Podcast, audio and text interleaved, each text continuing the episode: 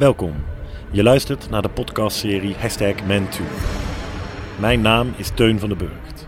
Toon Ervaring samen met Blauwe Maan Tilburg geven middels deze podcastserie mannelijke slachtoffers van seksueel geweld de ruimte om hun ervaringen met jou te delen. Samen met hen praten we over het seksueel geweld, de gevolgen en hun herstel. Op deze manier willen we de taboesfeer van seksueel geweld bij mannen doorbreken.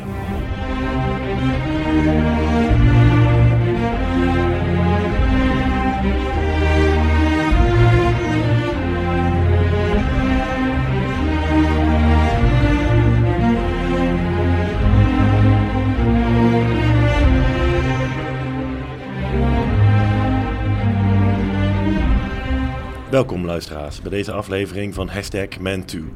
Tegenover mij zit vandaag Gerwin. Gerwin is hier om zijn ervaringen te delen over de gevolgen van het meemaken van seksueel geweld.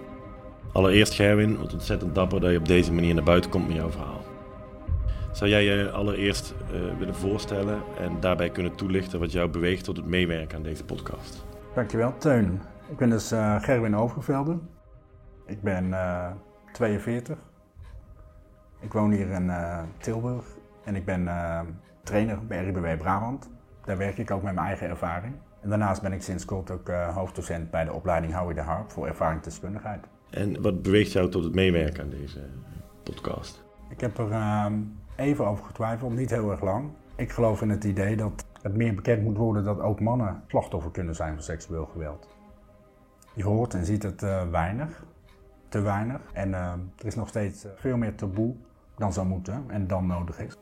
Het taboe hoor ik jou zeggen. Heb je, heb je een voorbeeld van, heb, heb, heb je daar zelf last van gehad, van dat taboe, bij het naar buiten komen? Of? Nou, dat taboe, um, als je al ergens uh, uh, leest dat uh, een man er vooruit komt dat hij slachtoffer is geweest, dan, dan zie je heel vaak ook lacherige reacties eronder. Ja, dat die man ook maar een watje is en dat hij gewoon voor zichzelf op moet komen en dat het eigenlijk ook gewoon misschien niet eens kan dat een man slachtoffer is. Ja, daar stoor ik me aan ja, zelf zit het misschien wat meer subtieler. Dat ik, denk ik, jarenlang uh, uh, dat idee misschien ook wel uh, mijn eigen heb gemaakt. Niet, niet als in een bewuste keuze, maar meer dat dat heel subtiel al die jaren in mijn hele leven een deel van mij is geworden. En dat het ook daarom misschien bij mezelf nooit is opgekomen dat ik inderdaad slachtoffer was, totdat ineens dat kwartje wel viel. Dus ik hoor je zeggen dat je eigenlijk een soort van dat taboe geïnternaliseerd hebt, in, in overtuiging richting jezelf toe. Ja, ik denk dat het gewoon een beetje een maatschappelijk idee is. En, en die lacherige opmerkingen onder berichten die ik net noemde, zijn misschien de extreme. Maar ergens neem je uh, misschien zelfs al als klein kind dat uh, langzaamaan toch tot je en, en ja, wordt het ook een idee van je eigen overtuiging. Zonder dat je misschien bewust bent van dat je dat eigenlijk van buitenaf hebt. Bewonderingswaardig ja, dat je dan op die manier daaraan probeert bij te dragen. En dat is denk ik ook een deel van voor mezelf zorgen, maar ook voor anderen. Dat het gewoon uh, bespreekbaarder wordt. En dat uh, mensen om hulp durven te gaan vragen. Mensen vragen pas om hulp als, als ze doorhebben dat ze hulp nodig hebben. En als je jezelf um, niet als slachtoffer kunt zien, dan, dan, dan kun je ook niet beseffen dat je hulp nodig hebt. Voordat we ingaan op jouw verhaal, wil ik eigenlijk graag beginnen met een stukje achtergrond. Bijvoorbeeld, hoe zag jouw gezin van herkomst eruit? En hoe heb jij jouw jeugd ervaren? Heel lang heb ik gedacht dat, uh, dat ik de meest perfecte, ideale jeugd had. Ik ben opgegroeid uh, uh, bij mijn ouders, die nog steeds heel erg gelukkig samen zijn. Ik heb veel broers en we houden ook allemaal van elkaar. In heel veel opzichten hebben we thuis wel eens moeilijk gehad. Maar in heel veel opzichten ook gewoon heel erg goed. We werden thuis niet mishandeld, geslagen. we kregen heel veel vrijheid. er werd van ons gehouden. En daarbuiten konden we ook echt van alles doen. Alleen uh, daarbuiten is uh, veel meer. Ook dingen die niet goed zijn. Heel lang was het misbruikstuk er ook niet. Ik had het voor mezelf gewoon helemaal uh, verdrongen en weggestopt. En jarenlang heb ik ook geleefd met het idee van dat dus altijd alles perfect is geweest in mijn jeugd. En dat hele misbruikstuk was weg. Dat zat in een kluis achter een hele dikke deur.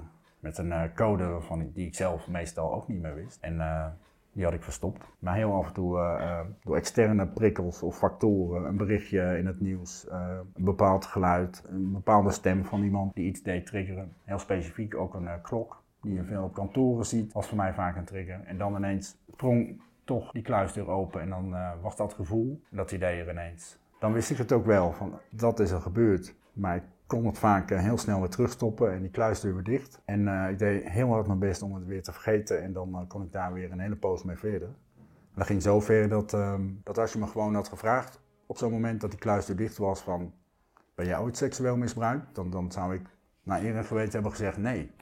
En daarvan zou ik dan ook echt helemaal overtuigd zijn. Kun je mij eens meenemen in hoe je dat dan deed? Op een gegeven moment gaat die kluisdeur open. Hoe krijg je hem dan weer dicht? Ja, ja dat, is een hele lastige.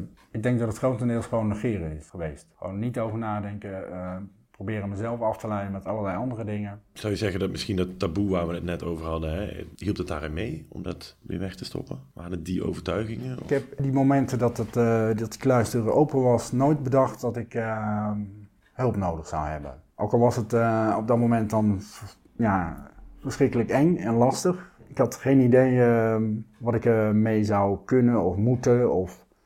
En ik heb ook heel lang gedacht dat ik überhaupt geen hulp nodig had. En ik had daarnaast ook wel allerlei andere dingen waar ik last van had. Ik had somberheid, depressies, angsten, paniekaanvallen. Maar die linkte ik ook niet aan dat misbruik. En waar dacht je op dat moment dan dat dat vandaan kwam? Geen idee. Ook daar heb ik heel lang mee geworsteld voor ik om hulp vroeg. En ik ben daar jarenlang mee uh, bezig geweest. Verschillende therapieën, verschillende therapeuten. Het ene werkte beter dan het andere. Maar langzaamaan zette ik stappen vooruit en uh, is het niet verdwenen, maar kan ik er goed mee leven. Pas toen ik daar voldoende ver in was, kon ik op het moment dat die kluisdeur wel een keertje weer opensprong, er ook echt naar kijken en bedenken van, ja, ik uh, kan hier ook om hulp uh, voor vragen. En, en, toen is dat ook gelukt. Dus ik heb eerst echt moeten leren om, uh, dat om hulp vragen oké was. En dat ik niet alle shit zelf op hoef te ruimen. Maar dat ook andere professionals mij daarbij kunnen steunen en ook mensen om me heen. Ik heb wel tien jaar daarvoor nodig gehad. tien jaar professionele hulp. Voordat ik die stappen ook kon zetten als het ging om seksueel misbruik. Is er iets wat jij al eerder in die ontwikkeling nodig had gehad om die kluisdeur al eerder open te gooien? Of was het eerder uh, dat je juist die tien jaar nodig hebt gehad om het aan te durven?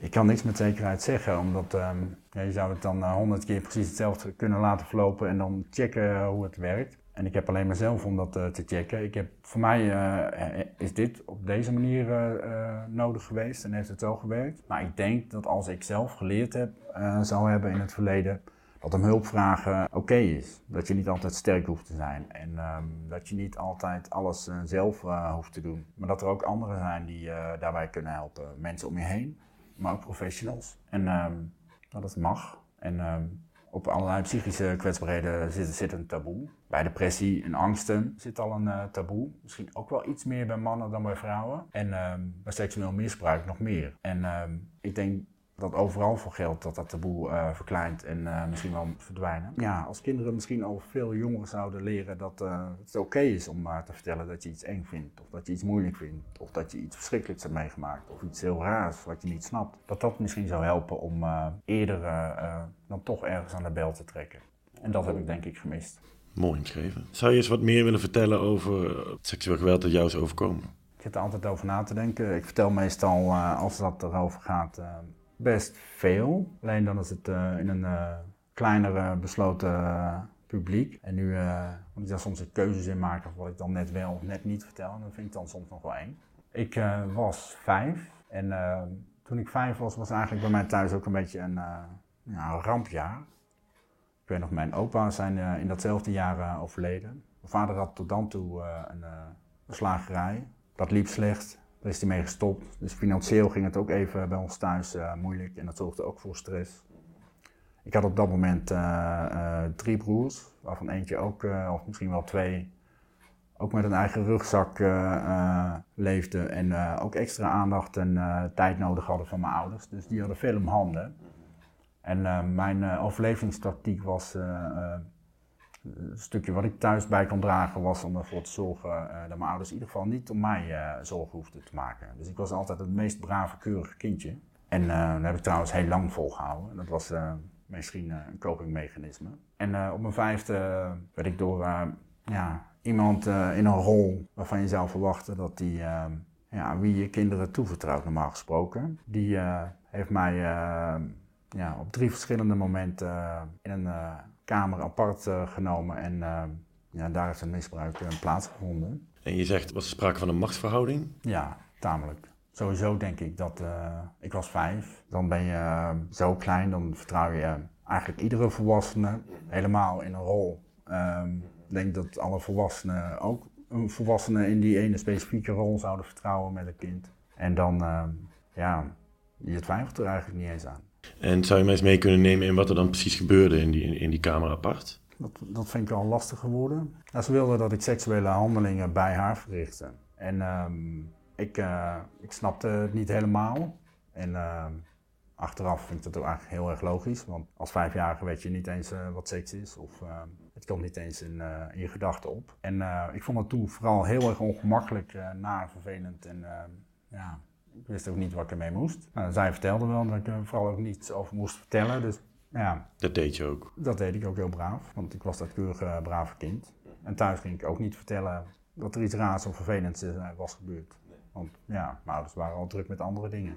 Maar de weg, kun je mensen meenemen in, in, in de gevolgen die dat voor je, voor je persoonlijke ontwikkeling had op, op die leeftijd? Ik, ehm, kijk, ik, beschouw het leven een beetje als uh, een grote soep. Er, komen telkens weer nieuwe ingrediënten in uh, die bijdragen aan uh, hoe die soep smaakt en, en wat erin zit en hoe voedzaam de soep is of niet.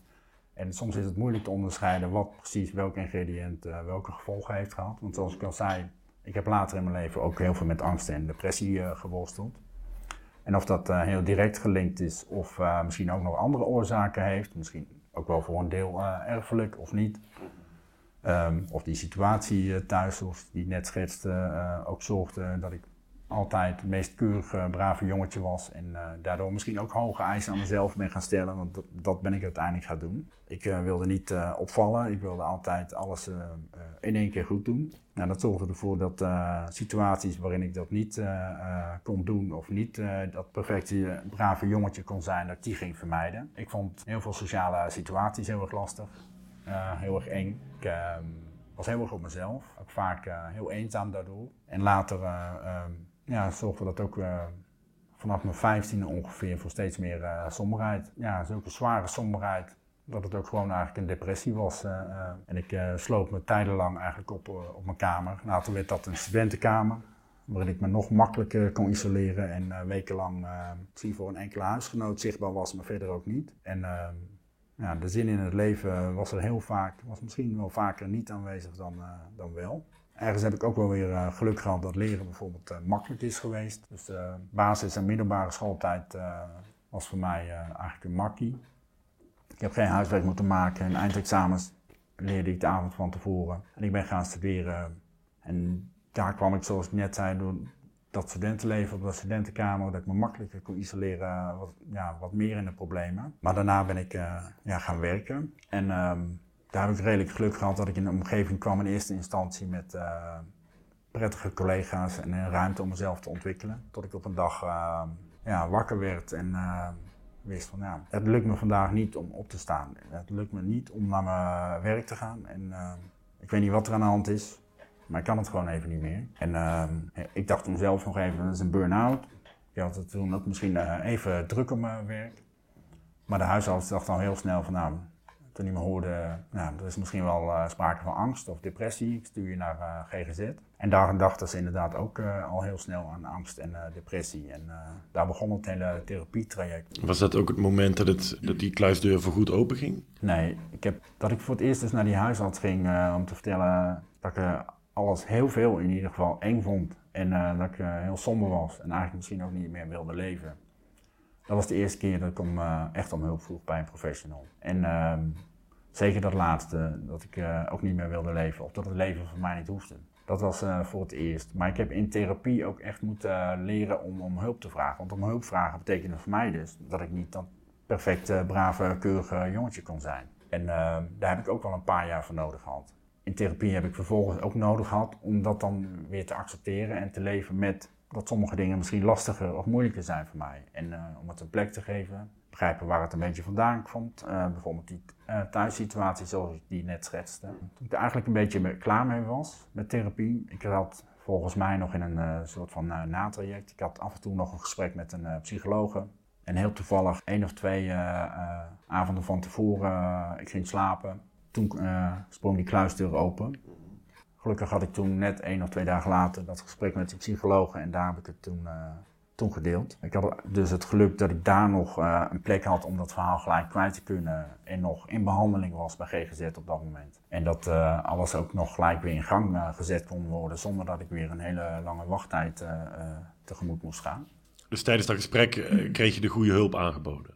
Ja, in ieder geval, ik kreeg in ieder geval het vertrouwen dat, dat uh, de juiste hulp zo snel mogelijk voor mij uh, gezocht zou worden. Dat bleek ook wel. Uh, een paar weken later kon ik al bij een andere psycholoog terecht voor EMDR. En de EMDR was heel erg zwaar, ook heel erg eng, maar heeft ook heel veel geholpen. Wat doen ze eigenlijk tijdens zo'n zo'n EMDR-sessie? Tijdens EMDR concentreer je, ja, je hebt verschillende varianten. Je concentreert je soms op een lichtje, een stip of uh, juist, zoals bij mij, op een, uh, een, geluidje wat of links of rechts uh, te horen is op je koptelefoon. En dat zorgt er volgens mij, maar een expert kan het misschien beter uitleggen, voor dat je hersenen voor een groot deel daarop gefocust zijn, waardoor het makkelijker is om daarnaast ook te vertellen over je ervaringen. En zonder dat je per se direct overspoeld wordt door de heftige emoties die bij die ervaring horen. Op die manier kun je toch die heftige ervaring opnieuw um, doormaken. En met input van de, de psycholoog ook op een andere manier naar kijken. In plaats van, in mijn geval, dat vijfjarige angstige jongetje. Bijvoorbeeld ook kijken naar hoe ik daar nu als volwassen vent daarnaar kan kijken. En hoe ik daar nu op zou kunnen reageren. Dat ik bijvoorbeeld als volwassene dat angstige jongetje zou kunnen beschermen. Of, en, en duidelijk aangeven naar die vrouw dat het absoluut niet kan en, en ontzettend fout is en nog een paar stappen verder. En, en hoe is het met jou gegaan na die, na die sessies? Het waren er best wel wat.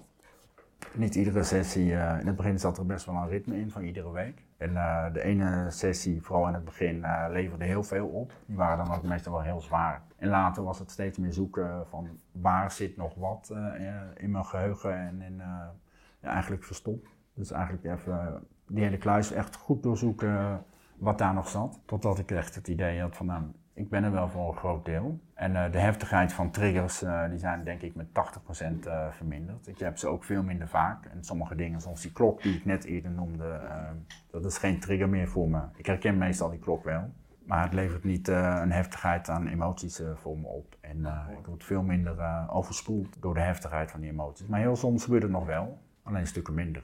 Dus ik kan veel beter ja, mijn weg vinden in het leven. Fijn dat dat zo goed geholpen heeft. En ehm, hoe was het voor jou om, om ermee naar buiten te komen? Toen die kluis er open ging, ging die niet alleen uh, open uh, ten opzichte van uh, de psycholoog en professionele hulp. Toen heb ik de ook open gegooid. Ik kon eigenlijk ook niet anders. Ik was eigenlijk gewoon, ja, ik heb echt volgens mij een week lang alleen maar gehuild. En de meest belangrijke mensen om mij heen heb ik, dat, ja, heb ik, heb ik dit verhaal ook mee gedeeld. Um, mijn meest naaste familie en mijn belangrijkste vrienden. Die eigenlijk alleen maar begripvol en steunend. Soms waren naasten ook plaatsvervangend boos op de dader. Daar, daar kon ik eerlijk gezegd niet zoveel mee, want ja, het leverde mij niks op.